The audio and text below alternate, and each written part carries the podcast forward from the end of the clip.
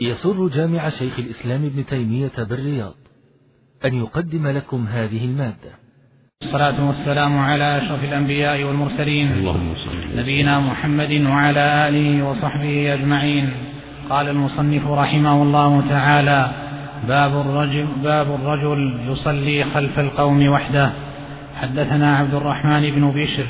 قال حدثنا يحيى يعني ابن سعيد عن أشعث عن زياد الأعلم عن الحسن عن أبي بكرة رضي الله عنه أنه ركع دون الصف فقال له النبي صلى الله عليه وسلم زادك الله حرصا ولا تعد.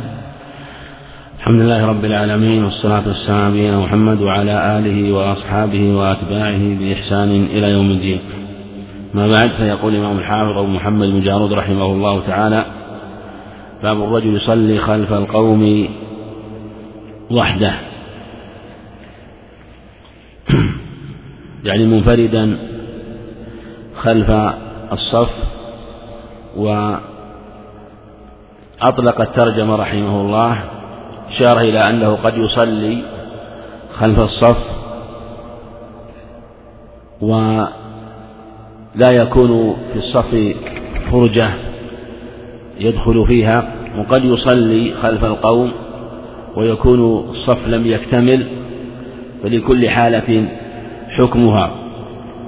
حدثنا عبد الرحمن بشر هذا هو العبدي ثقة رحمه الله. حدثنا يحيى يعني من سعيد عن أشعث عن زياد الأعلم هذا هو بن حسان الأعلم وهو ثقة وكذلك أشعث ثقة هم أكثر من واحد. عن عن الحسن عن أبي بكرة رضي الله عنه الحديث رواه البخاري الحديث رواه البخاري. وقد عله بعض بعضهم بالانقطاع بين الحسن وأبي بكره وقالوا إن الحسن يروي عن الأحنف عن أبي بكره لكن البخاري رحمه الله اعتمد روايته عن أبي بكره ورواه أبو داود والنسائي وفيه أن أبا بكر حدث الحسن وفيه رد على من أعله بالانقطاع. أنه عن أبي بكر رضي الله عنه ركع دون الصف. يعني والنبي يصلي عليه الصلاة والسلام وفيه أنه دخل وقد حفزه النفس. وفي رواية جاء وهو يحضر كما في المسند يعني يسرع وركع دون الصف. وفي رواية عند البخاري ركع أنه جاء والنبي صلى الله عليه وسلم يصلي فركع قبل أن يصل إلى الصف. فركع قبل أن يصل إلى الصف. وفي رواية أيضا أنه جاء يمشي.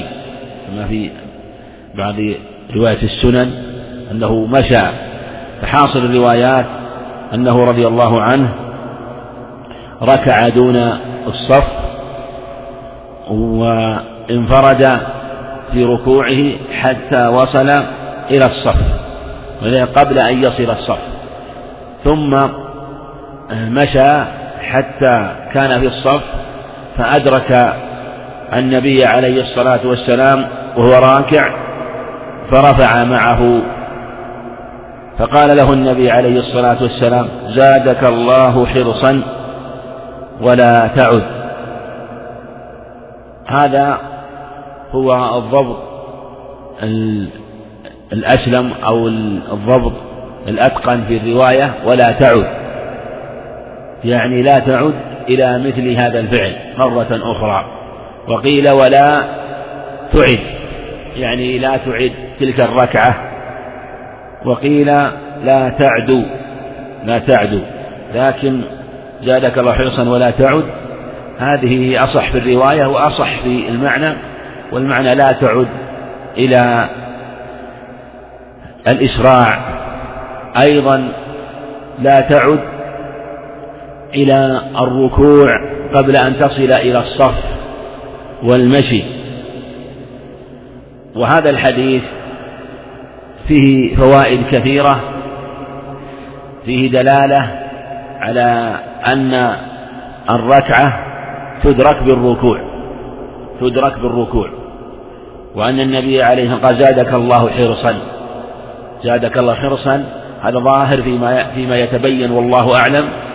أنه أراد حرصه على إدراك الركعة إدراك الركعة حتى لا تفوته لكنه عليه الصلاة والسلام نهى أن يعود إلى الإسراع أو يعود إلى المشي قبل أن يقف أو يصف في الصف وإن كان لم يمشي وإن كان لم يسرع بل جعل يمشي.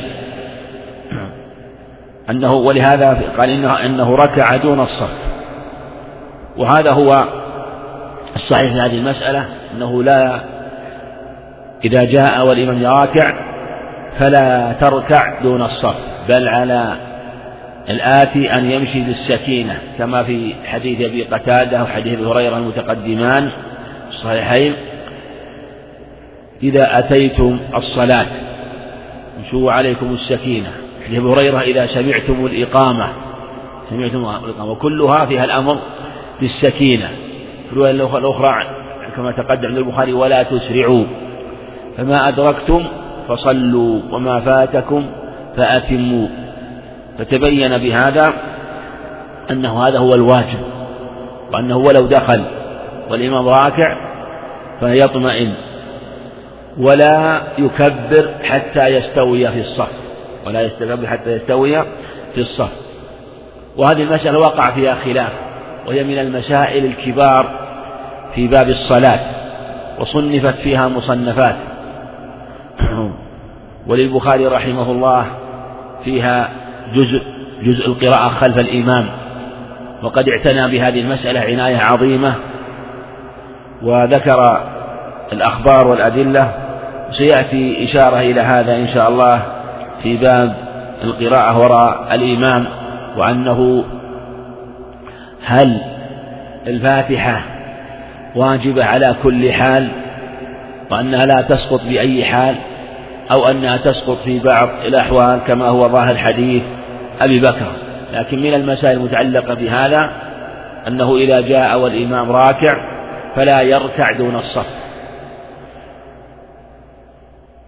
روى الطحاوي في شرح مع الآثار بإسناد حسن أنه عليه الصلاة والسلام قال إذا أتى أحدكم المسجد والإمام راكع فلا يركع حتى يستوي في الصف.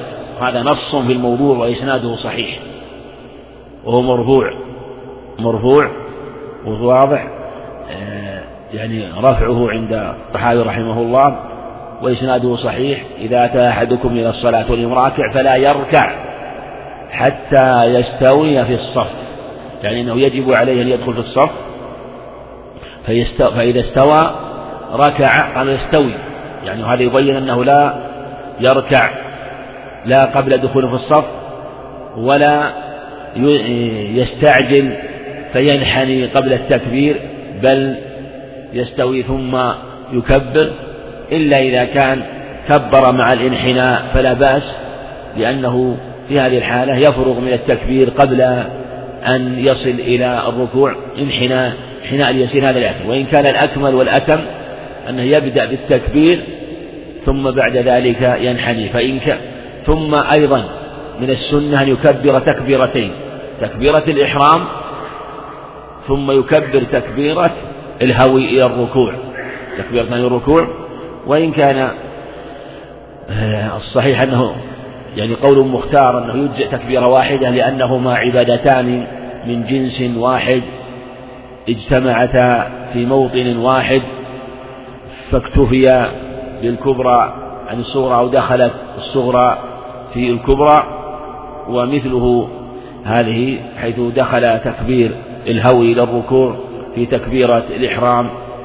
والقول بلزوم التكبير قول يعني له وجاهة أيضا له وجاهته لأن هذا تكبير في حال القيام وهذا تكبير في حال الهوي. فلكن المقصود أنه لا يكبر قبل أن يصل صف ولا يكبر وهو منحني أقرب إلى الركوع بل يكون مستويا ثم بعد ذلك يكبر ثم يركع. روى الطبراني عن عبد الله بن الزبير رضي الله عنه أنه قال إذا دخلت والإمام راكع فدب فاركع ثم دب ماشيا حتى تصل الصف فإن ذلك من السنة. وهذا في ثبوت نظر وفي أيضا دلالته من جهة الرفع أيضا نظر. وجاء عن زيد بن ثابت وعن ابن مسعود هذا المعنى كما عند ابن أبي شيبة أنه ما فعل ذلك. وحديث أبي بكر الصريح في أنه لا يشرع هذا وهذا هو الأظهر في هذه المسألة أنه يلزمه أن يستوي في الصف ثم يكبر ثم كما سيأتي أنه يلزم عليه أن يكون منفرد أن يكون منفردا خلف الإمام وكثير من أهل العلم يرى أنه لا يجوز الانفراد خلف الإمام ولو بجزء من الركعة ولو بجزء من الركعة وحديث وابصة وعلي بن شيبان يدل على هذا المعنى في النهي عن صلاة المنفرد كما سيأتي والذي يركع قبل أن يصل إلى الصف يركع قبل أن فقد انفرد فهو من باب أولى أن يكون منفرد فإذا كان بعض العلم ينهون عن الانفراد خلف الإمام لو كان في حال القيام ولو كان في حال القيام فالنهي عن الانفراد حال الركوع من باب أولى. ولذا لو جاء مثلا وركع خلف الصف وحده خلف الصف وحده فهل ثم بعد ذلك جاء إنسان آخر وصف معه بعد ذلك قبل قبل الرفع الركوع؟ في خلاف لكن الصحيح أن صلاته صحيحة أن صلاته صحيحة. ما دام أنه اجتمع معه شخص آخر فزالت فذوذيته قبل الرفع من الركوع قبل الرفع من الركوع. هذا فيما إذا لم يكن معذور. أما إذا كان معذور فالصحيح أنه يجزئه ولو كان فذا هذه تقدمت معنى أنه لم يجد من يصافه. أما إذا كان يعني معه شخص آخر شخص آخر ثم صفى في الصف فالصحيح أنه لا بأس أن يكبر أحدهما قبل الآخر فلا يشترط أن يكبر جميعا حتى لا يكون أحدهما فذا فلو كبر هذا ثم تأخر الثاني فلم يكبر إلا بعد ذلك فلا بأس بذلك. لكن إذا لم يكن معذور إذا لم يكن معذور فإنه لا تصح صلاته فيما إذا ركع ورفع قبل أن يأتي شخص آخر فيصلي معه. والواجب إتمام الصفوف أصلا الواجب إتمام الصفوف. فلا يشرع في الصف الثاني حتى يتم الصف الذي قبله. يتم الصف الأول. ولو كان من نقص فليكن في الصف المؤخر كما تقدم في حديث أنس. فقال له النبي عليه الصلاة والسلام زادك الله حرصا ولا تعد. هذا كما تقدم يعني أنه لا يعود إلى الإسراع والركض لما ركع دون الصف. والرواية المتقدمة عند عند أبي داود والنسائي أيضا صريحة فيه الرواية الأخرى عند البخاري أنه ركع دون الصف وجاء الرواية الأخرى صريحة أنه مشى مشى وجعل يدب ماشيا حتى استوى في الصف وأن الواجب أن يستوي في الصف ثم يكبر.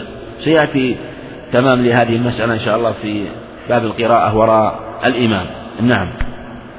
حدثنا عبد الرحمن بن بشر قال حدثنا عبد الرزاق قال أخبرنا الثوري عن منصور عن هلال بن يساف عن زياد بن أبي الجعد عن وابصة رضي الله عنه رأى النبي صلى الله عليه وسلم رجلا يصلي خلف القوم وحده فأمره فأعاد الصلاة.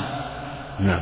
حدثنا عبد الرحمن بشر والعبد تقدم حدثنا عبد الرزاق بان الثوري عن منصور عن هلال يساف أو قال يساف ويساف عن زياد بن أبي الجعد والإسناد كله ثقات والإسناد صحيح. وقع خلاف الإسناد لكن الصواب ثبوت هذا الإسناد. عن وابصة بن معبد رضي الله عنه. رأى النبي رأى النبي صلى الله عليه وسلم رجلا يصلي خلف القوم وحده فأمره فأعاد الصلاة. هذا حديث رواه الخمسة من النسائي. تقدم الله هذه المسألة وأنه أيضا في حديث علي بن شيبان عند أحمد بن ماجه ولا بأس به أيضا. استقبل صلاتك فلا صلاة لمنفرد خلف الصف. المصنف رحمه الله يمكن أنه أراد هنا قال أراد أن يجمع بين الحديثين. يعني هنا رأى النبي صلى الله عليه وسلم رجل يصلي خلف القوم وحده فأمره فأعاد الصلاة. المصنف رحمه قال باب رجل يصلي خلف القوم وحده. وساق حديث أي بكر وفيه أنه ركع دون الصف. وأن النبي عليه الصلاة والسلام قال زادك الله حرصا ولا تعد. ولم يأمره بإعادة الركعة. في هذا الحديث رأى رجل يصلي خلف القوم وحده فأمره فأعاد الصلاة. وهذا هذه الطريقة التي أو, أو هذان الحديثان كان المصنف رحمه الله أراد أراد من طالع ينظر بين هذين الخبرين حتى يجمع بينهما. وذلك أنه في الحديث الأول ظاهر صحة الصلاة وعدم وجوب الإعادة مع أنه كان فذا في جزء من الركعة. وفي الحديث الثاني فأمره فأعاد الصلاة. فالجمهور رحمة الله عليهم استدلوا بحديث أبي بكرة على أن الأمر بإعادة الصلاة الاستحباب لا للوجوب. قالوا إن أبا بكرة لم يأمره النبي عليه الصلاة والسلام أن يعيد الصلاة. فدل على أنها هذا للاستحباب وأن الإعادة لأجل الكمال والتمام وليس بواجب. وذهب آخر من أهل العلم إلى الوجوب وقالوا حديث أي بكر عنه أجوبة إما أنه كان لم يعلم الحكم. فالنبي عليه الصلاة والسلام أمره ألا يعود مستقبل. لكن هذا يرد عليه أيضا أن حديث وابصة أيضا ظاهره أنه لم يعلم الحكم. من أين لنا أن هذا علم الحكم وأن هذا لم يعلم الحكم؟ ومن البعيد أن يكون عالم أن يكون عالم بالحكم فيفعل خلاف ما علم خلف النبي عليه الصلاة والسلام. هذا لا بعيد وقد يقال لا يمكن منهم رضي الله عنهم. والحديث والحديثان مساقهما واحد. وإن وأمر النبي عليه الصلاة والسلام لهذا بالإعادة وهذا بالحرص. فلا يمكن يقال إن هذا مثلا يعلم هذا لا يعلم. أيضا أو يقال وهو وجه أجود أن حديث وابصة أن حديث أن حديث أبي بكر رضي الله عنه ليس فذوذيته في جميع الركعة إنما في جزء من الركعة. وهذا الجواب هو الأجود وذلك أنه ركع دون الصف ثم مشى حتى استوى في الصف حتى استوى في الصف فلهذا لم يكن فذا. أما هذا فإنه فذ وفيه أنه صلى يصلي خلف القوم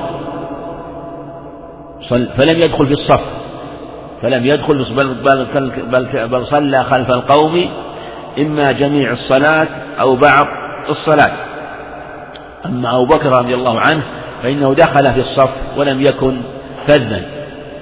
أو أيضا على قول لبعض العلم قالوا إنه لو كان فذا في القيام والركوع وأدرك الصف أو صافه واحد فأكثر في السجود فإنه تصح له ركعته. هذا قاله بعض العلم لكنه قول ضعيف. وذلك أن ما بقي ليس صلاة. ليس صلاة. فالصلاة في هذه الركعة انتهت. ولهذا يأتي بالسجدة من باب المتابعة للإمام وإلا هو سوف يأتي بها ويعيدها. تبعا للركوع الذي فاته. الركوع الذي فاته. أو يقال أيضا يقال أيضا أن أن من جاء على القول الآخر أن من جاء وركع دون الصف من ركع دون الصف والإمام راكع والإمام وجعل يمشي وجعل يمشي فحكمه حكم الجماعة حكمه حكم الجماعة ولو لم يدركهم إلا بعد الرفع إلا بعد الرفع لأنه آه، أحرم معهم ومشى قاصدا لهم واجتهد اجتهد وسعى في تحصيل الجماعة وتحصيل الصف ولم يفرق أما من جاء وركع دون الصف وقام في الصف ولم يمشي والصف أمامه يمكن أن يدخل فرجة هذا مفرط. أما الذي جاء وركع ثم جعل يمشي وهذا هو غاية ما يؤمر به فلم يدرك حتى رفع الإمام. ولم يستوي حتى رفع الإمام. فهو اجتهد وفعل ما أمر به. والنبي عليه الصلاة والسلام قال إذا أمرتكم بأمر فأتوا منه استطعتم. أما آخر جاء وركع وكبر والإمام قائم وركع ومع الإمام وحده ولم يتقدم إلى الصف هذا مفرط. فلا يلحق هذا بهذا. فقياس أحدهما قياس مع الفارق. وإن كان هذا على قول من يعني أقول, أقول هذا تخريج على قول من قال إنه من مشى وهو راكع فرفع الإمام قبل أن يستوي الصف فيعتبر مدة الركعة على قول لبعض كما تقدم في قول عبد الحديث عبد الله بن الزبير وفعل زيد بن ثابت وابن مسعود. فإن صح هذا القول ففرق بينه وبين من جاء وصف خلف الصف وحده ولم يمشي فيستوي في الصف مع أنه تقدم أن الصحيح لا بد أن يدرك الصف قبل أن يرفع الإمام لا بد من ذلك. إن قيل بأنه يمشي قبل أن آه، يستوي في الصف وأنه لا بأس يركع وإن قيل كما تقدم على الصحيح لا يكبر حتى يستوي الصف كما نهى النبي عليه الصلاة والسلام أبا بكر أن يعود من ذلك كما جاء في حديث أبي هريرة المتقدم عند الطحاوي مشكل الآثار أنه لا يركع حتى يستوي في الصف. فعلى هذا يكون حديث وابصة حكم مستقل لا علاقة له بالحديث الذي قبله في صرفه بأن يصرفه إلى حكم آخر والصواب هو القول الثاني في هذه المسألة وأن صلاة المنفرد خلف الصف لا تصح والحكم صريح واضح في أنه عليه الصلاة والسلام أمره فأعاد الصلاة ولا فرق على الصحيح بين العالم والجاهل.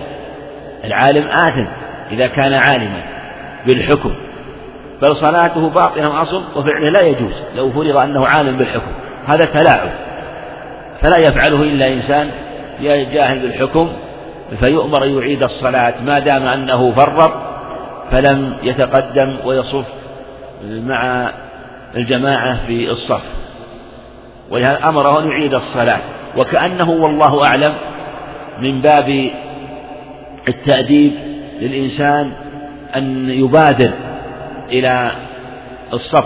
وكأن هذا من الأحكام التي ينبغي العلم بها وعدم الجهل وهو الائتلاف مع الجماعة وعدم التفرق عليها وأن إتمام الصفوف الأول فالأول من الآداب المعلومة الظاهرة. وهذا يقطع ما يقع في النفوس من الإسراع والحرص والإسراع والركض أو أن يبادر يركع قبل ذلك بل يكون مطمئنا. ويدعوه أيضا إلى التبكير في الحضور إلى الصلاة حتى آه، لا تفوته الركعة أو أكثر من ركعة. ثم نقول إن من صلى خلف الصف منفرد من صلى خلف الصف وكان لم يجد مكانا في الصف بأن يأمرهم بالتراص ولم يكن في فرجة فالصحيح أنه لا يعرف عليه. والمسألة فيها ثلاثة أقوال وجوب الإعادة مطلقا هو المشهور في المذهب عند مذهب رحمة الله عليهم وقيل لا يعيد وهو قول الجمهور لأن عندهم لا يجب إتمام الصفوف بل هو من الأدب لكن الصحيح أنه يجب إتمام الصفوف وهذا يعني يؤيد هذا يؤيد ما تقدم من أن إتمام الصفوف واجب ولهذا بوب البخاري باب إثم من لم يتم الصفوف. فلا صلاة منفرد خلف الصف لأنه يجب عليه يتم الصفوف. وبهذا يجاب على قول من قال إن المنفرد لا تصح صلاته مطلقا نقول لا تصح لأن صلاته لا تصح مطلقا لا تصح لأنه مأمور بأن يتم الصف. فالمعنى لا تصح أنه لا تصح صلاته ما دام أن يجد فرجة والأحاديث جاءت صريحة في الأمر بسد الفرجة وإتمام الصف الأول فالأول ولا يصف الصف الثاني حتى يتم الصف الأول ولا الثالث حتى يتم الصف الثاني. وهذا شاهد للأمر بإعادة الصلاة للمنفرد وشاهد للقول المختار أنه إذا كان لم يفرط وجاء والصف كامل وتام ولم يجد مكان النبي عليه الصلاة والسلام قال إذا كبر أن فكبروا وقال لحديث معاذ وعلي إذا جئتم ونحن عال فاصنعوا كما نصنع. فأمر المصلي أن يدرك الصلاة وأن يبادر ولم يؤمر المصلي إذا جاء أن ينظر هل في أحد يصف معه أو لا يصف معه. فلو كان الحال يفترق في من جاء والصف مكتمل وليس فيه مكان لكان يبحث عن إنسان يصف معه أو يقف فلا يصلي. والنبي عليه الصلاة والسلام قال في حديث أسود ألست برجل مسلم؟ قال يا قد صلينا في رحاية. قال إذا صليتما في رحالك وأتيتم مسلما صليا فإنها لكم فأمر بالصلاة مع الجمع مطلقا. لمن جاء ولا يقول آه انتظر إذا كان الصف مكتمل. أنا قصدي من هذا أن أن حتى هذه الأدلة يستدل بها وكان المتقدم رحمة الله عليهم يستدلون بالعمومات على المسائل العمومات والإطلاقات في مسائل كثيرة ويرجحون فيها. وهذا المعنى يدخل فيه هذه المسائل وهو مأمور بأن يجلس بأن يصلي مع الجماعة وإذا دخل معهم فهم القوم لا يشقى بهم جليسهم. لا يقال إنك في هذه الحال تكون فذا ولا تصلي حتى يأتي. لأن قد يكون مثلا في مكان هو يعلم أنه لن يأتي أحد. في بعض الأمكنة يعلم أنه لن يأتي أحد. هل يبقى حتى ولا, ولا يمكن يتقدم مثلا. هل يبقى حتى يصلوا ويفروا.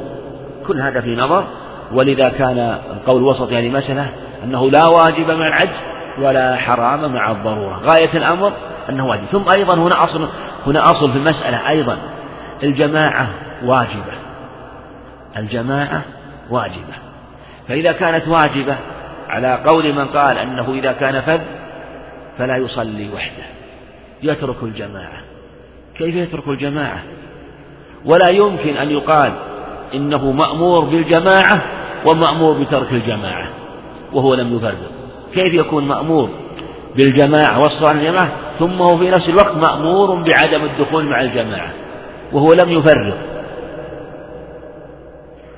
وهنالك يعني بعض المسائل في هذا مثل ما تقدم في الأمر بإقامة الجماعة في حال الخوف ولو فات أمور واجب بل من أركان الصلاة لأجل تحقيق الجماعة. فنقول كذلك. هذه أيضا أدلة يمكن تشهد لهذه المسألة ونقول غاية الأمر أن يفوت أمر واجب. وقد فوت أمور أعظم من هذه الواجب من هذا الواجب بكثير لأجل تحصيل الجماعة. وتحقيقها. فمن باب أولى أن يدخل معهم وأن يصلي ولو كان فردا فلا واجب مع العجز ولا حرام مع الضرورة. نعم. باب السكوت بين التكبير والقراءة. حدثنا علي بن خشرم قال أخبرنا محمد يعني, يعني ابن الفضيل عن عمارة عن أبي زرعة عن أبي هريرة رضي الله عنه قال كان رسول الله صلى الله عليه وسلم إذا كبر سكت بين التكبير والقراءة. فقلت له بأبي أنت وأمي أرأيت سكوتك بين التكبير والقراءة؟ أخبرني ما تقول. قال أقول اللهم باعد بيني وبين خطاياي كما باعدت بين المشرق والمغرب. اللهم نقني من خطاياي كالثوب الأبيض من الدنس. اللهم اغسلني من خطاياي بالثلج والماء والبرد. باب السكوت بين التكبير والقراءة. والمعنى السكوت للاستفتاح لأن الصلاة ليس فيها سكوت يعني سكوت عن الجهر. ولهذا سأله أبو هريرة عن سكوته بين التكبير والقراءة فيما يجهر فيه وأنه يقول شيئا. وعلموا ذلك إما بأن الصلاة ليس فيها سكوت أو علموا ذلك بحركة لحيته عليه الصلاة والسلام واستدلوا بأنه يقرأ بين التكبير والقراءة. حدثنا علي بن خشرم هو المروزي وراى محمد عن فضيل وغزوان عن عمر هو ابن عمير التيمي عن أبي زرعة هو ابن عمرو عن أبي هريرة وهذا اسناد صحيح. والحديث متفق عليه. عن أبي هريرة رضي الله عنه قال كان رسول الله صلى الله عليه وسلم إذا كبر سكت. يعني أن هذا يقع منه كلما كبر للصلاة عليه الصلاة والسلام بين التكبير تكبير الحرام والقراءة يعني فيما يجهر فيه. فقلت له بأبي أنت وأمي. كانوا يفدونه عليه الصلاة والسلام نفديه بآبائنا وأمهاتنا فقال بأبي وأمي يعني يفديك بأبي وأمي. في أن مثل هذا لا بأس به خلافا لمن كرهه أرأيت سكوتك بين التكبير والقراءة؟ أخبرني. فيه سؤال الصحابة رضي الله عنهم عن أحوال النبي عليه الصلاة والسلام وأنهم ما تركوا شيئا من أموره في العبادة إلا وسألوه عنه ويبين لهم عليه الصلاة والسلام. فقلت ما تقول؟ قال عليه أقول اللهم يعني يا الله. سؤال ودعاء. باعد جاء على صيغة مفاعلة حتى تكون المباعدة منه ومن خطاياه. يعني هو يبتعد عنها وهي تبتعد عنه. اللهم باعد بيني وبين خطاياي. فيتخلص منها بتوبة الله عليه. وقبول الله سبحانه التوبة وصيانته وحمايته من أضرارها وشرها بالمباعدة بينه وبينها. ولهذا قال كما باعدت بين المشرق والمغرب. كما باعدت بين المشرق والمغرب. يعني أنها تبتعد عني وأنا أبتعد عنها. وكان هذا والله أعلم. والسر في ذكر المباعدة. الباعد بين كما بيني وبين خطأ كما باعدت بين المشرق والمغرب. كما أن المشرق والمغرب يستحيل التقاؤهما فكذلك سأل الله عز وجل أن يباعد خطاياه فهي لا تزال في ابتعاد عنه وهو لا يزال في ابتعاد عنها. كما باعدت بين المشرق والمغرب. وهذا غاية في الإلحاح والرغبة والسؤال في الخلاص من الذنوب والخطايا. كما باعدت بين المشرق والمغرب. اللهم نقني من خطاياي. في الرواية الأخرى كما ينقى الثوب الأبيض من الدنس. اللهم نقني. سأل أو سأل ثلاثة, ثلاثة أمور عليه الصلاة والسلام. فإذا كان هو سأل ذلك فكيف بعموم الخلق؟ ضرورتهم لهذا الدعاء من أعظم الضرورات خاصة في أم العبادات البدنية في الصلاة في افتتاحها فيما بين التكبير والقراءة. لما سأل المباعدة بأن يباعد الله بينه وبينها يخلصه منها سأل الله أن ينقى منها وهذا مناسب. لأنه قد يبقى شيء من وضرها وشيء من أثرها فسأل التنقية يعني من بعض آثار الذنوب التي يغفل عنها ولا ينتبه لها ومن الدقائق التي قد تقع في النفوس والقلوب وهذا يكون بالفعل والتصديق لأهل العمم لأهل الهمم العالية الرفيعة في الخلاص منها فينقى منها مع المباعدة. ثم قال اللهم اغسلني من خطاياي بالثلج والبرد بالماء بالماء والثلج والبرد. لما حصلت المباعدة ثم التنقية ينقى والتنقية تكون لإزالة الشيء الذي له جرم. لكن كان بعد ذلك الغسل. بعد المباعدة وبعد سؤال الله التنقية. وهذا مناسب بأن يكون الغسل بعد تنقية النفس والقلب من الذنوب والخطايا. اللهم اغسلني.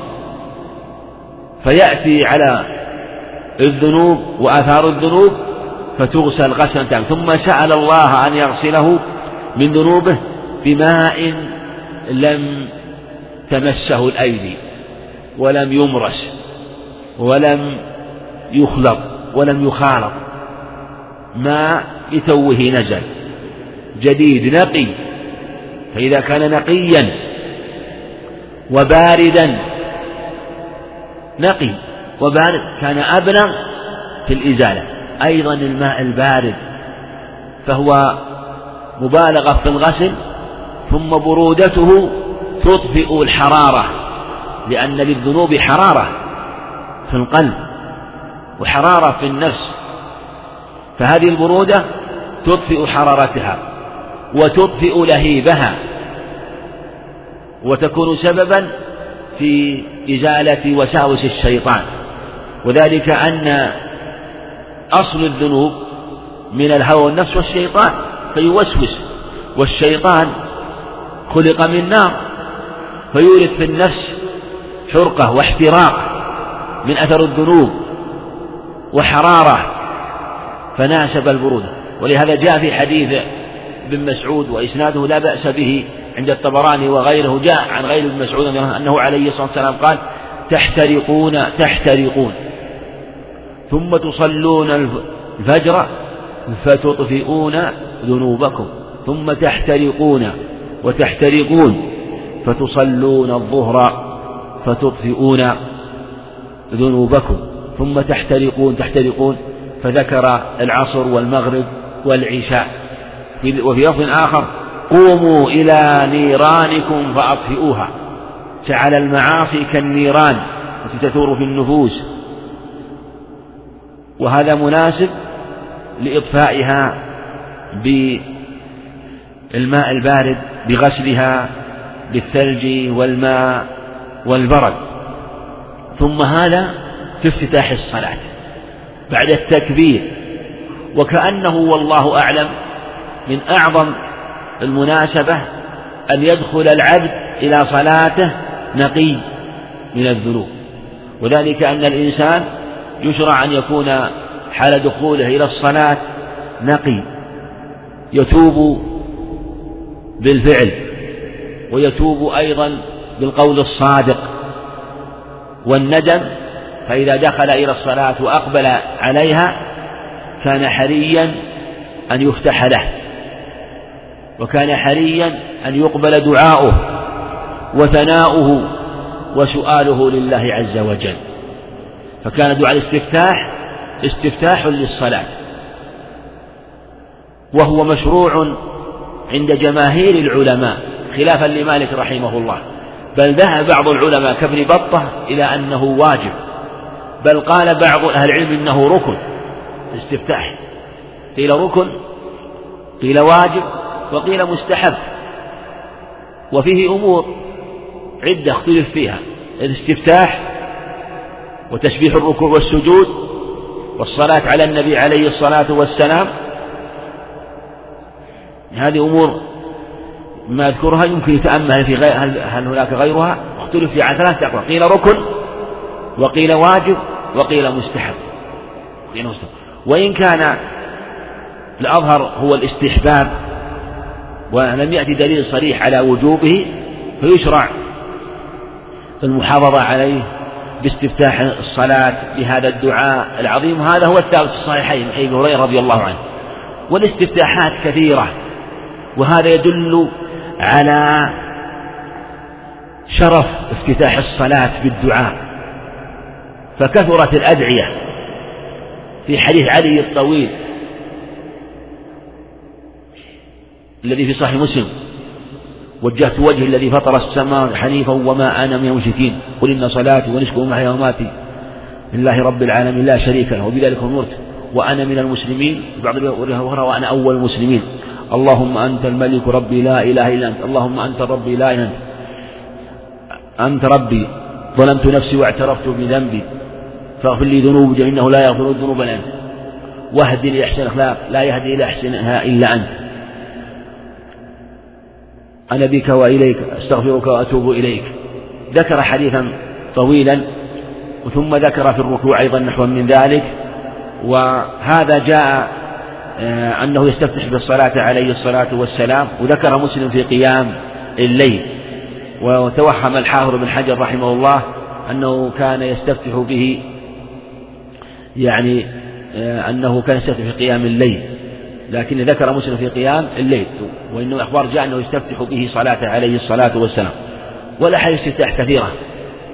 وأشهرها حديث عمر سبحانك اللهم وبحمدك تبارك اسمك وتعالى جدك ولا إله غيرك الذي رواه مسلم.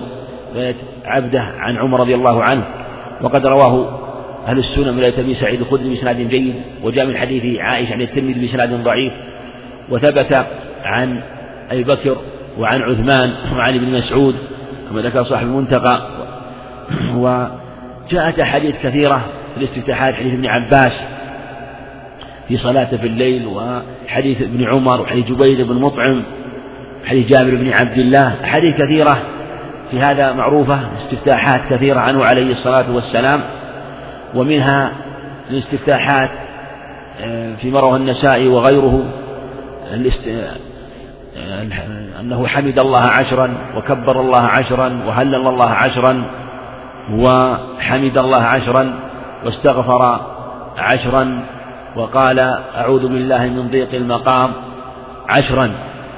ذكر سبع كلمات فيها سبعون يعني سبعون مرة وأن هذا وجاءت أحاديث كثيرة. لكن ينظر المصلي شيئا من هذه فإن شاء أن يقول هذا في وقت وهذا في وقت وإن شاء أن يلزم بعضها فلا بأس. وحديث أبي هريرة هذا ظاهر أنه عليه الصلاة والسلام كان يقوله كلما كبر ولهذا أخبر أبا هريرة رضي الله عنه. ورجحه بعض أهل العلم من جهة أنه في الصحيحين. ومن أهل العلم من رجح حديث عمر رضي الله عنه الذي قاله للناس وجهر به حديث سبحانك وحمدك وتبارك اسمك وتعالى جدك ولا إله غيرك الذي جاء حديث سعيد وابن عم وعائشة وقالوا إنه وإن كان من جهة السند من جهة السند ليس مثل حديث هريرة لكنه أقوى من جهة المعنى لأن الأدعية منها ما هو خبر عن الله ومنها ما هو خبر عن العبد. وحديث سبحانك سبحانك وبحمدك خبر عن الله عز وجل. والخبر عن الله عز وجل أشرف وأفضل من الخبر من الخبر عن العبد. فهذا الحديث خبر عن خبر عن فهو حينما كبر قال اللهم باعد. أولا دعاء ثم سؤال الله عز وجل وإخبار عن حال العبد. ولا شك أن إخبار عنه سبحانه وتعالى أعلى وأعظم. وإن قال هذا تارة وهذا تارة فلا بأس. أما الجمع بينهما فلا. وجاء في حديث عند الطبراني في الجمع آه، بين دعاء دعاء الاستفتاح لكنه لا يثبت. نعم. باب القراءة وراء الإمام. حدثنا محمد بن يحيى قال قال حدثنا أحمد بن خالد قال حدثنا محمد بن إسحاق عن مكحول عن محمود بن الربيع عن عبادة بن الصامت رضي الله عنهما قال صلى بنا رسول الله صلى الله عليه وسلم صلاة الغداة فثقلت عليه القراءة فلما انصرف قال إني أراكم تقرؤون وراء إمامكم قل قال قلنا أجل والله يا رسول الله هذا. قال فلا تفعلوا إلا بأم القرآن فإنه لا صلاة لمن لم يقرأ بها. باب القراءة وراء الإمام. وأنها واجبة كما هو ظاهر الحديث الذي أورده المصنف رحمه الله. حدثنا محمود بن حدثنا محمد بن يحيى حدثنا أحمد بن خالد هذا هو الوهبي الكندي صدوق رواه له السنن.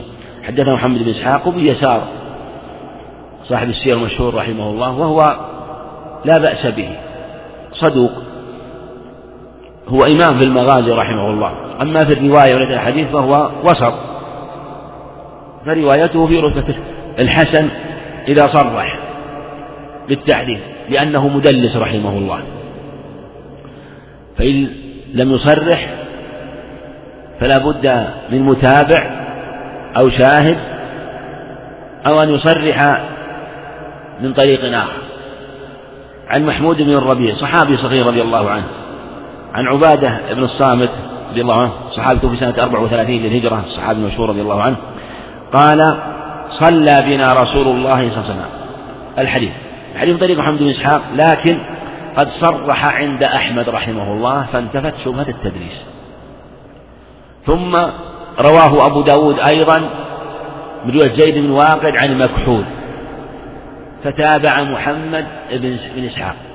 فالحديث يكون إسناده هنا حسن وهذه قاعدة. المدلس إذا روى الحديث من طريقين فصرح من أحد من أحدهما ولم يصرح من آخر فكلا الإسنادين حسن فكلا الإسنادين حسن.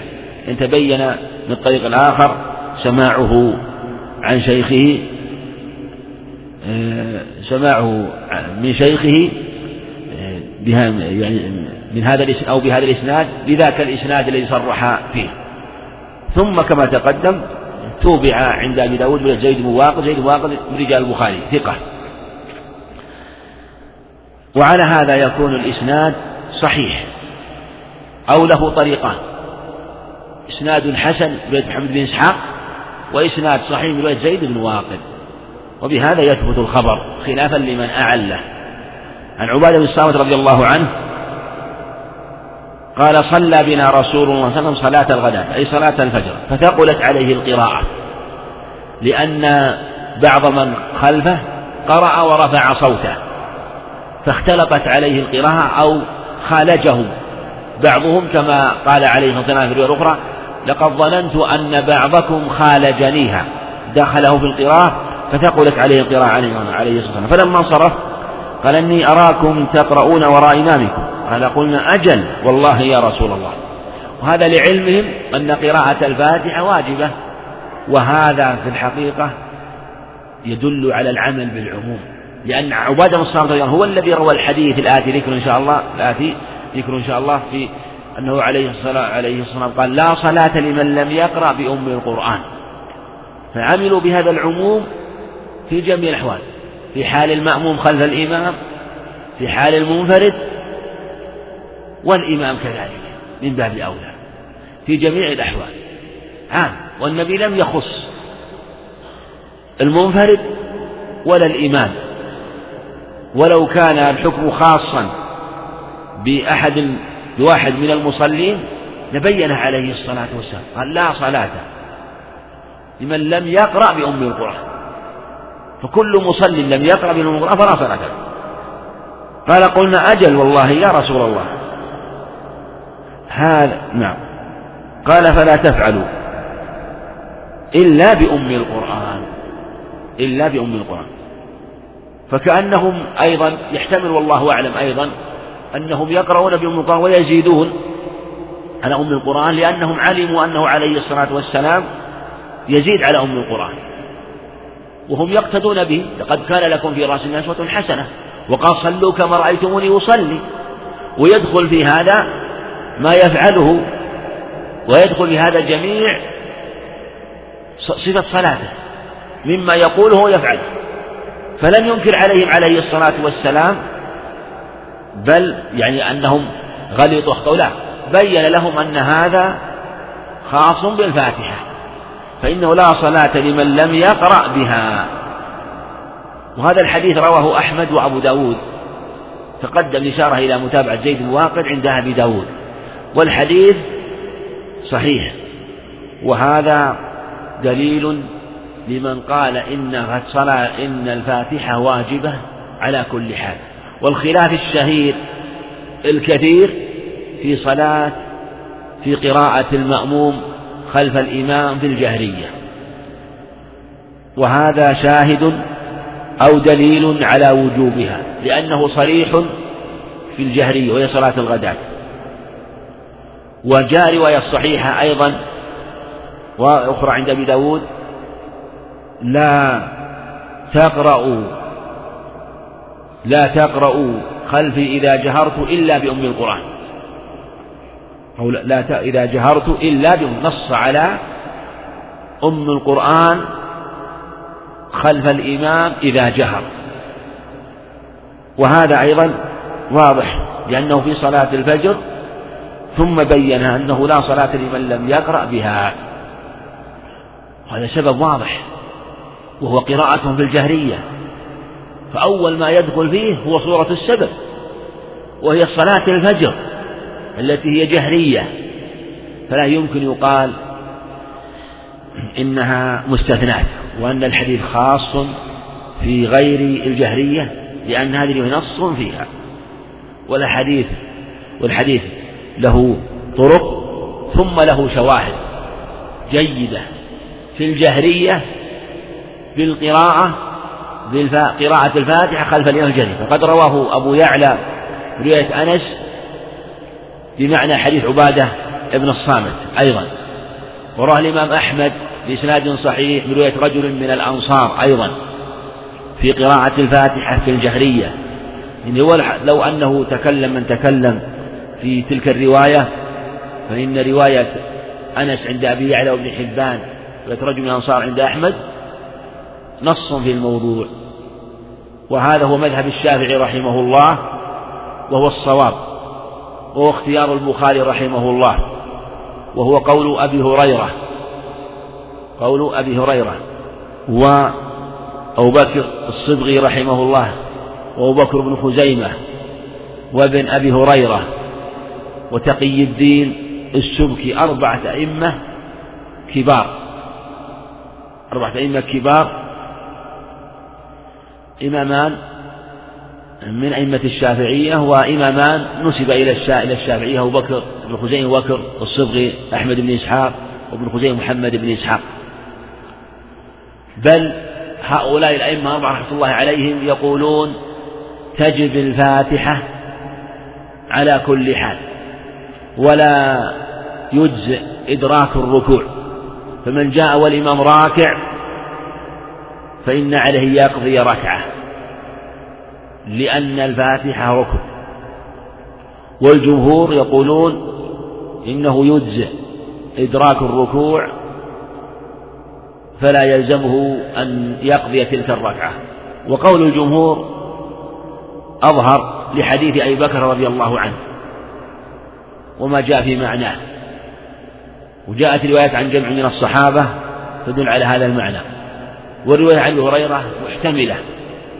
لكن البخاري رحمه الله حكى عنه ذلك وقال البخاري رحمه الله في جزء القراءة إن هذا القول هو قول كل من يقول بوجوب قراءة الفاتحة في الصلاة. يعني قاله باب الإلزام. إذا كان يقول بوجوب فإنه يقول إنه لا تدرك الركعة بإدراك الركوع بل يجب أن يأتي بركعة من أدرك السجود والجمهور كما تقدم عن القول الثاني وقولهم أظهر. لكن من احتار هذا قول آخر.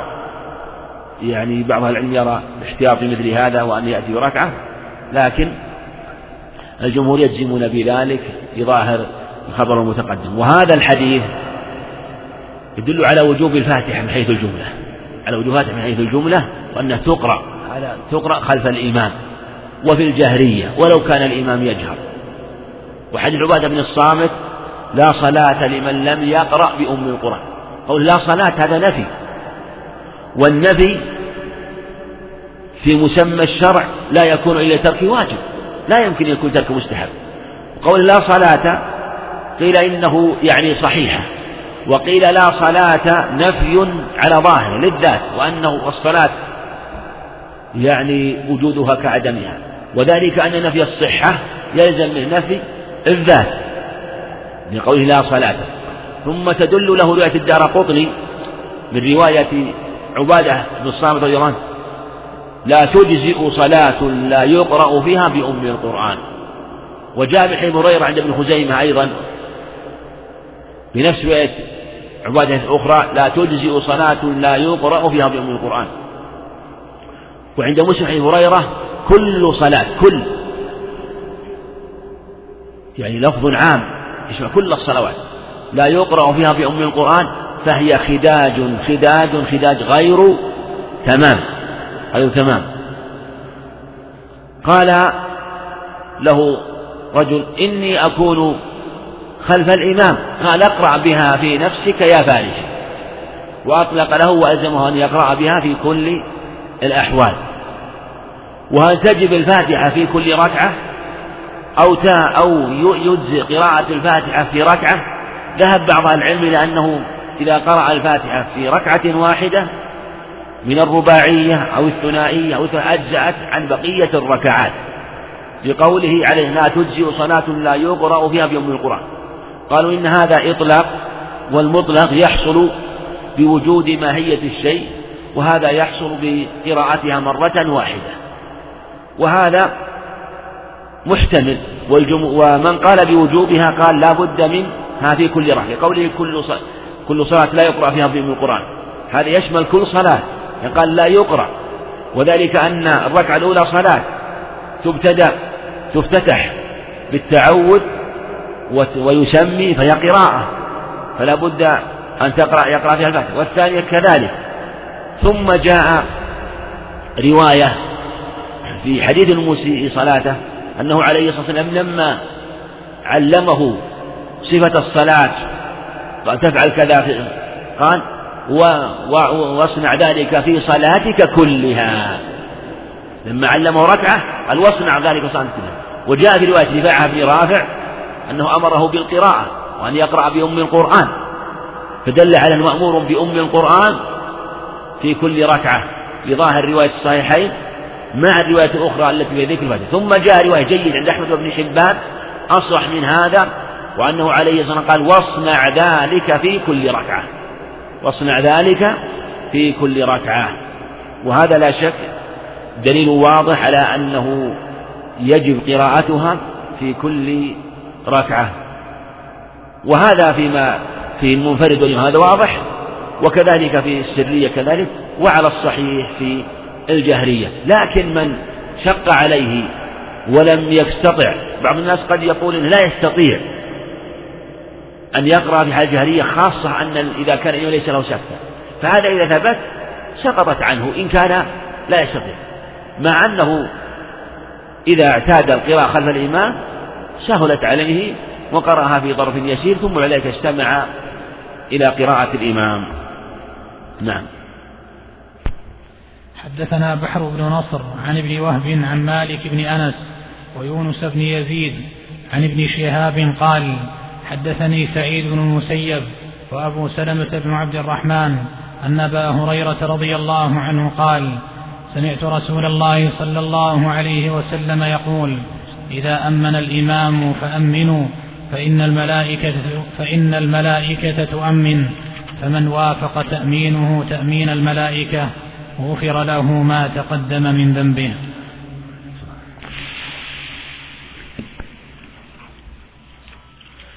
الله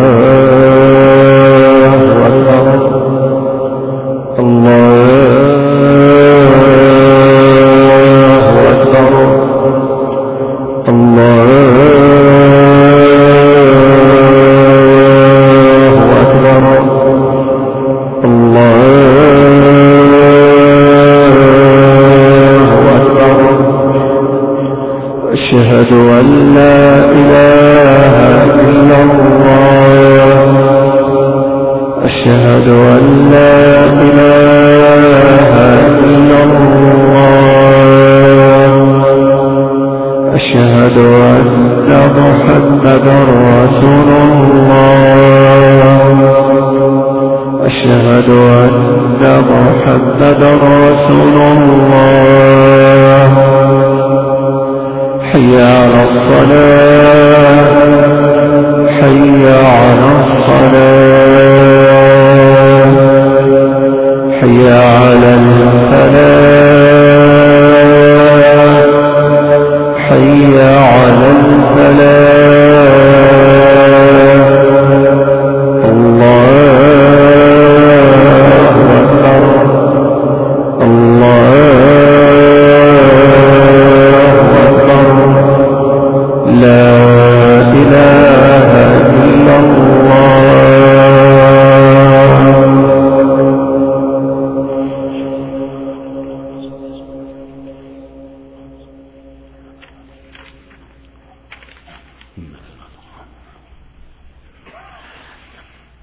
حدثنا بحر بن نصر تقدم له الخولاني عنه وهو عبد الله عن مالك أنس ويونس بن يزيد عن ابن شهاب قال حدثني سعيد بن مسيب وأبو سلمة عبد الرحمن أن أبا هريرة رضي الله عنه قال سمعت رسول الله صلى الله عليه وسلم يقول إذا أمن الإمام فأمنوا إذا أمن الإمام فأمنوا. معنى إذا أمن الإمام يعني إذا أراد أن يؤمن. ليس المعنى أنك تؤمن إذا فرغ لا. إذا أراد إذا فرغ من غير إذا قال ولا الضالين تقول أنت والإمام آمين. دليله رواية عند أبي أهل السنن أبي داود وغيره أنه إذا قال فإن الإمام يقول آمين والملائكة تقول آمين. أيضا بل في الصحيحين بل في الصحيحين إذا قال الإمام غير المغضوب عليهم ولا الضالين فقولوا آمين. الصحيحين إذا قال غير المغضوب عليهم ولا الضالين فقولوا آمين. يعني أنه يقول هو والإمام آمين. وفي الصحيحين أيضا أي هريرة آه، إذا قال غير المغضوب عليهم ولا الضالين فقولوا آمين فإن الملائكة فإن الإمام يقول آمين والملائكة في السماء تقول آمين تقول آمين. فإذا وافقت إحداهما الأخرى هنا فمن وافق تأمينه؟ في الليلة الصحيحة فإذا وافقت إحداهما الأخرى غفر له ما تقدم من ذنبه. وهذا معنى هذه إذا أمن الإمام فأمنوا. فإن الملائكة تؤمن يعني في السماء. وعند مسلم في الصلاة. إذا أمن الإمام في الصلاة نص على الصلاة. هذا واضح. وإذا قال إذا أمن الإمام فالمعنى التأمين في الصلاة. لكن هذا يبين أنه آه، أن التأمين يكون لمن كان مع الإمام. يعني وإذا كان التأمين في الصلاة. إذا كان التأمين في كل صلاة فريضة أو نافلة. فمن وافق تأمينه تأمين الملائكة غفر له ما تقدم به. الموافقة فيما يظهر والله أعلم في القول والزمان. يعني يقول آمين والملائكة تقول فإذا وافقت إحداهما الأخرى غفر ما تقدم. فيجتهد العبد أنه يبادر هو والإمام إلى التأمين إلى التأمين يبادر. ربما أيضا أن توافق قد توافق يوافق تأمين التأمين الملائكة ويجتهد أيضا في إخلاص التأمين. المعنى اللهم استجب وفيها دلالة على مشروعية التأمين وعلى مشروعية الجهر بالتأمين. لأن قوله إذا أمن الإمام فأمنوا لا يكون إلا إذا جهر الإمام بالتأمين. وقد روى أبو داود بإسناد جيد حوالي بن حجر رضي الله عنه أنه عليه الصلاة والسلام كان يؤمن عليه الصلاة والسلام في صلاته ويجهر يؤمن ويجهر عليه الصلاة والسلام في التأمين. وفي رواية عن أبي هريرة عند أبي داود أنه حتى يسمع من يليه عليه الصلاة والسلام. عند ابن ماجه في ضعف حتى إن للمسجد للجة من التأمين بها. دلالة على مشروعية التأمين. والتأمين مما خص الله بهذه الأمة. وما حجرتكم اليهود ما حجتكم على السلام والتأمين كما عند ابن ماجه عن عائشة بسند صحيح. ما حسدتكم اليهود على شيء ما حسدتكم يعني حسدهم يعني مثل حسدهم على السلام والتأمين. إذا أمن الإمام فأمنوا دلالة على مشروعية التأمين ورفع الصوت به. نعم. حدثنا ابن المقرئ قال حدثنا سفيان عن الزهري عن أبي سلمة عن أبي هريرة رضي الله عنه يبلغ به النبي صلى الله عليه وسلم قال من أدرك ركعة من الصلاة فقد أدرك.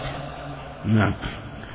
حدثنا ابن المقرئ حدثنا سفيان عن الزهري عن أبي سلمة عن أبي هريرة وهذا إسناد صحيح. تقدم مرارا عن أبي هريرة الله عنه يبلغ به النبي صلى الله عليه وسلم وهذه يبلغ من صيغ الرفع يبلغ به ينميه يرفعه كلها من الصيغ حكم حكم من أدرك ركعة من الصلاة فقد أدرك. وهذا في الصحيحين. تقدم الإشارة إلى لإحكام الإدراك وحكم الإدراك من أدرك ركعة من الصلاة فقد أدرك. أدرك ركعة من الصلاة. وهذا الإدراك يظهر والله أعلم أن المراد به غير محتمل إنه غير حديث من أدرك ركعة من الصلاة قبل أن تغرب الشمس ومن أدرك ركعة من الصلاة قبل أن تطلع الشمس. هذا في إدراك الوقت. لكن هذا يظهر أنه في إدراك الجماعة مع الإمام. إدراك جماعة الإمام. أو جماعة الصلاة مع إدراك الجماعة مع الإمام. لرواية مسلم من أدرك ركعة من الصلاة مع الإمام. من أدرك ركعة الصلاة فقد أدرك الصلاة. في من أدرك ركعة من الصلاة فقد أدرك. فقد أدرك. وهذا كما تقدم الأظهر والله أنه حديث آخر غير غير إدراك الوقت. فإذا وتقدم أن الإدراك إدراك الوقت. إدراك الوقت أقسام وإدراك الصلاة أقسام منها إدراك الجماعة أو إدراك الجمعة أو إدراك المسافر صلاة المقيم كل أنواع الإدراكات هذا نوع من الإدراك وهو إدراك الجماعة. وفيه وهذا ربما يكون دليل لمالك رحمه الله وتقي الدين أن إدراك الجماعة يكون بركعة. خلافا للجمهور. ويحتمله أظهر والله أعلم أنه إذا أدرك ركعة من الصلاة حصل له إدراكان. إدراك الصلاة وإدراك الجماعة. ولا شك أن من أدرك الصلاة فقد أدرك الجماعة. من أدرك ركعة من الصلاة مع الجماعة فقد أدرك لا إشكال فعلى هذا نقول إنه يدرك الصلاة ويدرك الجماعة بعموم الأدلة الأخرى التي تأمر من جاء والإمام على حال فيصلي معه. والنبي عليه الصلاة والسلام أمر بذلك وأنه إذا كبر تكبر وإذا رجع ابتداء من أول الصلاة أو إذا جئت وهو على حال تتابعه ولا تنتظر. نعم.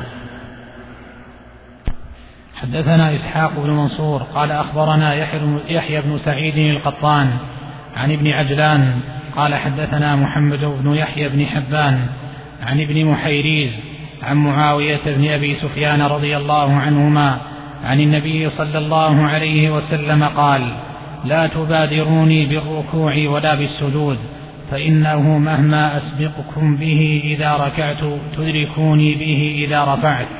ومهما أسبقكم به إذا سجدت تدركوني به إذا رفعت فإني فإني قد بدنت.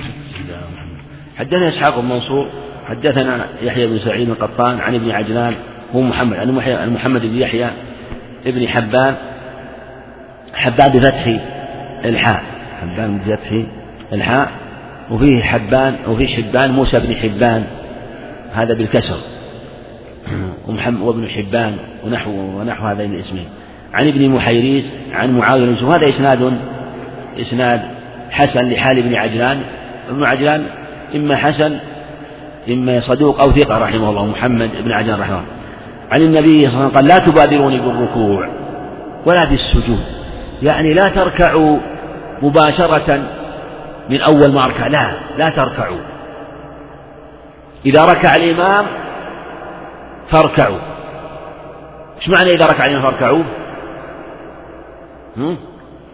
إذا استتم استتم. لقوله لا تبان ركوع. ولرواية أبي داود بإسناد صحيح هذا حديث صحيحين. صحيح إذا ركع الإمام فاركعوا. في عند عند أبي داود بإسناد صحيح ولا تركعوا حتى يركع. زيادة مهمة. توضح الصحيح.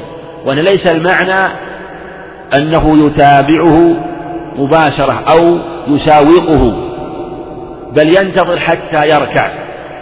لا تبادر الركوع ولا بالسجود.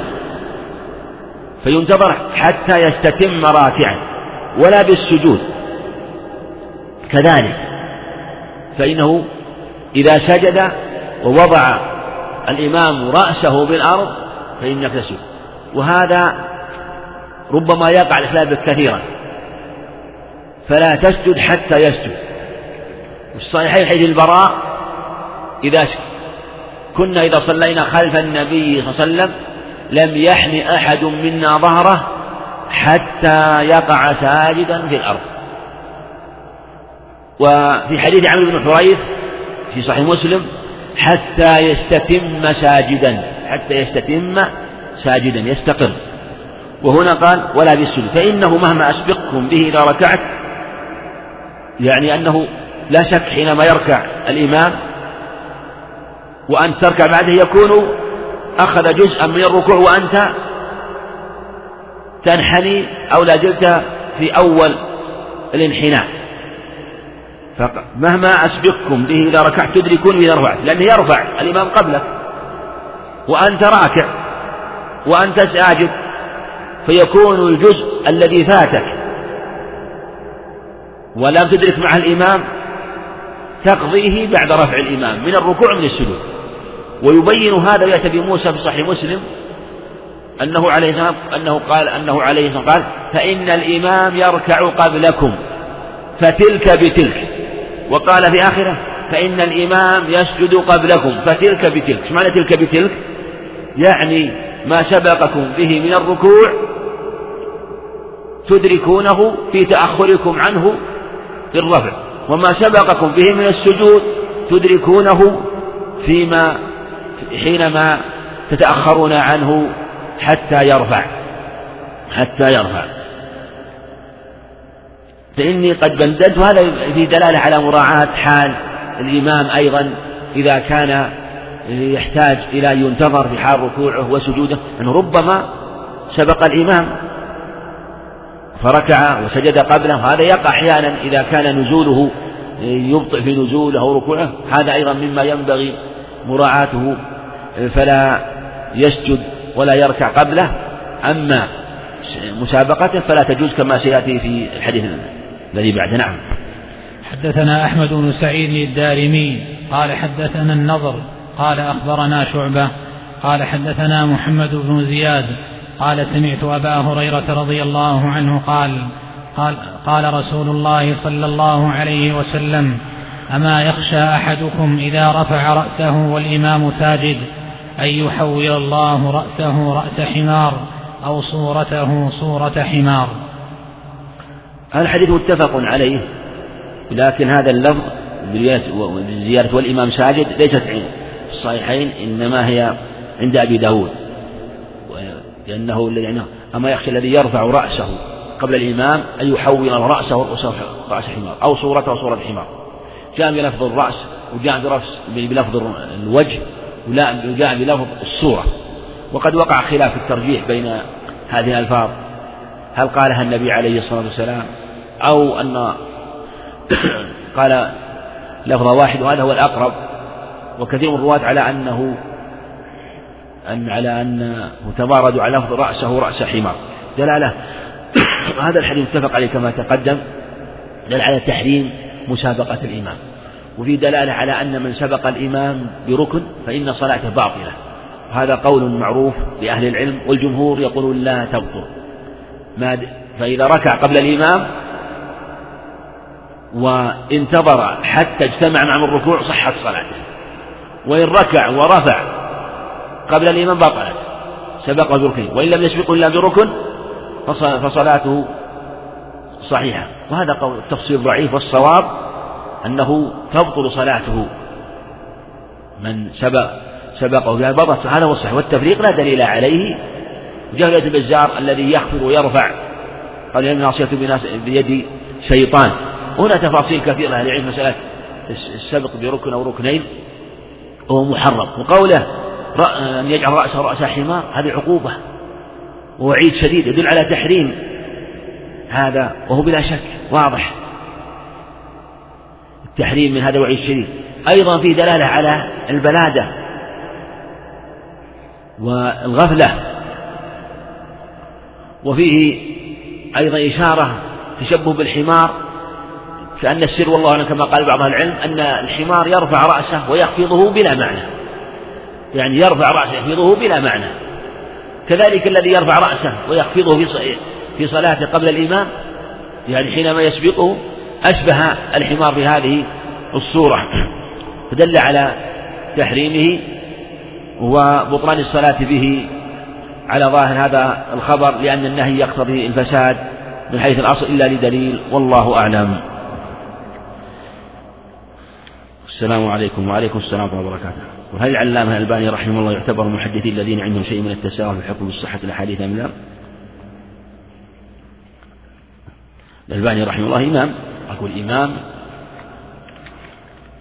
في عنايته بالأخبار واطلاعه عليها رحمه الله وجهوده العظيمة التي نفع الله بها عموم المسلمين وأهل العلم جهوده المشكورة غفر الله له ورحمه وأعلى درجته في عليين نسأل الله أن يغفر له وأن يرحمه وأن يعلي درجته. نسأل الله أن يغفره وأن يرحمه ويعلي درجته. نسأل الله أن يغفر له وأن يرحمه ويعلي درجته في عليين لكن هو كغيره من العلم. هو كغيره من أهل العلم. كل يخطئ ويصيب. فطالب العلم حينما يكون يعني من إنصافه هذه مما يوصي به أهل العلم. كان شيخنا على الشيخ عبد رحمه الله إذا ذكر أحيانا بعض الأحاديث وبعض المسائل أو بعض الأحاديث يخالف بعض العلم أو أحاديث صحح الألباني ويخالف ويبين هذا المعنى. يقول من إنصاف يعني معنى إنصاف طالب العلم أنه لا يغلو ولا يبالغ في التقليد هذا من عدم إنصاف بل من عدم صدق المحبة لهذا الإمام من صدق محبتك لهذا الإمام. متابعتك للنبي عليه الصلاة والسلام أنه إذا أخطأ كغيره فإذا تبين للإنسان خطأ رجل من أهل العلم في تصحيح حديث وتضعيف حديث في ترجيح مسألة. فيقول قول الذي يعتمده ويعتقده. وربما يكون الصواب معك ومعه وهذا من العدل. بل لا يجوز لك أن تقلد مع ظهور خلاف القول الذي تعتقده. ولهذا أهل العلم الله عليهم لو ترى قصصهم ومحاوراتهم ترى العجب العجاب. حين يخالف بعضهم بعضا فيجل بعضهم بعضا بخلاف من يتعصب ولهذا يقول الإمام الحافظ أبو عبيد بن حربويه رحمه الله لا يقلد إلا غبي أو عصبي لا يقلد إلا غبي أو عصبي يعني وذلك وقال ابن عبد أجمع العلماء أن المقلد ليس من أهل العلم فإذا ظهر الإنسان في مسألة فيبين وجه الحق مع إجلاله وتعظيمه لأهل العلم. رحمة الله عليهم جميعا. ما يقصر مسافة للسفر على القول الراجح من أقوال العلماء.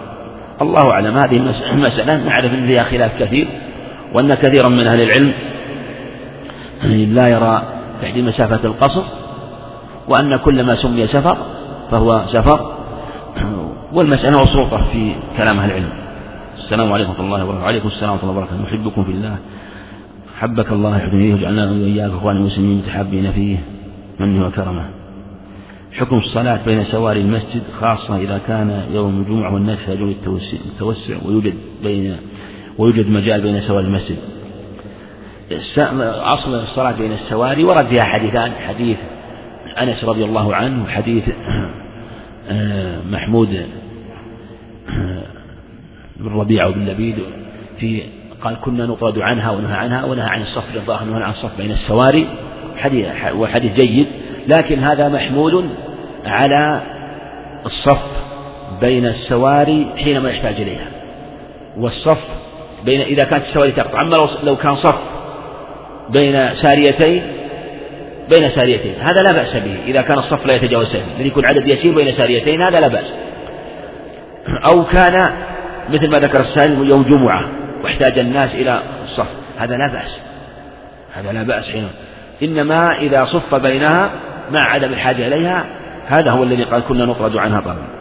ما هو المقصود بالخطايا؟ هل يعم الكبائر؟ والصغير نعم الحديث يعم هذا وهذا. إن كان عليه الصغير والصغائر نعلم أنها تذهب وتزول بكثير مما يمحوها من الصوم والصلاة والوضوء.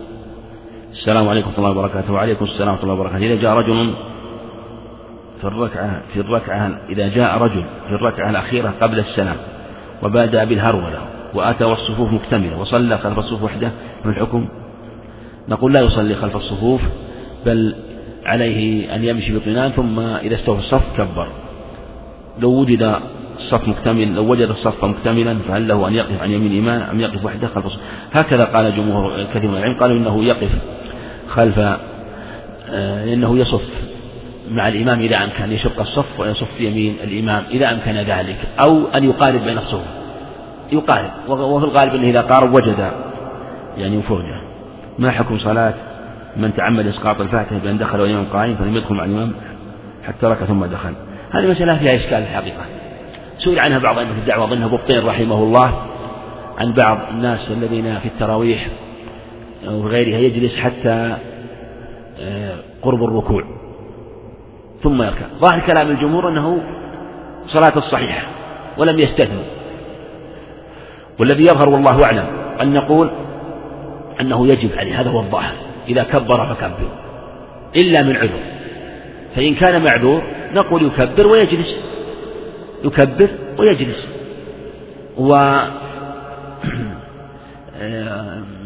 يعني يكبر ويجلس ما أو يقوم. المقصود أنه لكن لو كان الإنسان محتاج يستند وليس هنالك مكان يجلس فيه ولا يستند قد يقال إنه يعذر أو يصلي منفرد. فالأظهر أنه إن لم يكن عذر فإنه يدخل. أما بطلان الصلاة فلا يظهر. فلو أنه أدرك الركوع صحت صلاته كما هو قول الجمهور. السلام عليكم. وعليكم السلام ورحمة الله وبركاته. الثانية في يوم الجمعة يقول جمعة مباركة. هذا مما مما لا يشرع. كلمة جمعة مباركة؟ هذا دعاء مخصوص ليوم معين. ومثل هذا أقول يعني يقال أنه لا يشرع مثل هذا لأن التهنئة لأن التهنئة عبادة والقاعدة أن العبادات لا تشرع إلا بدليل. وفيه فتح الباب لأن يهنأ بهذا اليوم الجمعة ربما يفتح في مثلا في الأشهر أو ما أشبه ذلك. ولو أن إنسان اعترض قال ما ادعى تخصيص هذا هذا فالأظهر لا يقال مثل هذا. بل يدعو دعاء عاما بدون تخصيص. وما حكم صلاة الجماعة الثانية؟ الجماعة الثانية ينظر حالها.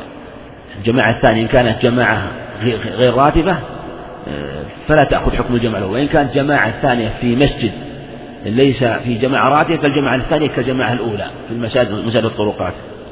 هذا يسأل عن الصلاة قراءة الفاتحة في الصلاة الجهرية آه، وكيف الجمع بين قول وجوب بين وجوب الفاتحة في الصلاة الجهرية وقول النبي صلى الله عليه وسلم إذا قرأ فأنصتوا؟ نقول إذا إذا قرأ فأنصتوا هذا نقول آه، ليس خاصا. نقول هذا ليس في الصلاة خارج الصلاة إذا قرأ إمام فأنصتوا. وقلت تعالى إذا وإذا قرأ القرآن فاستمعوا فالقول بأن في الصلاة موضع نظر موضع نظر. أو ويقين في الصلاة والمراد في غير الفاتحة لقول النبي عليه السلام إلا بأم القرآن.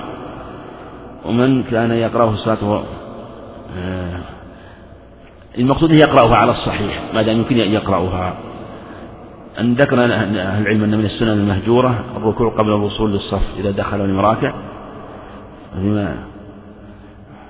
هذا هذه هذه مسائل خلافية. هذه من المسائل الخلافية ليست هذه مسألة خلافية.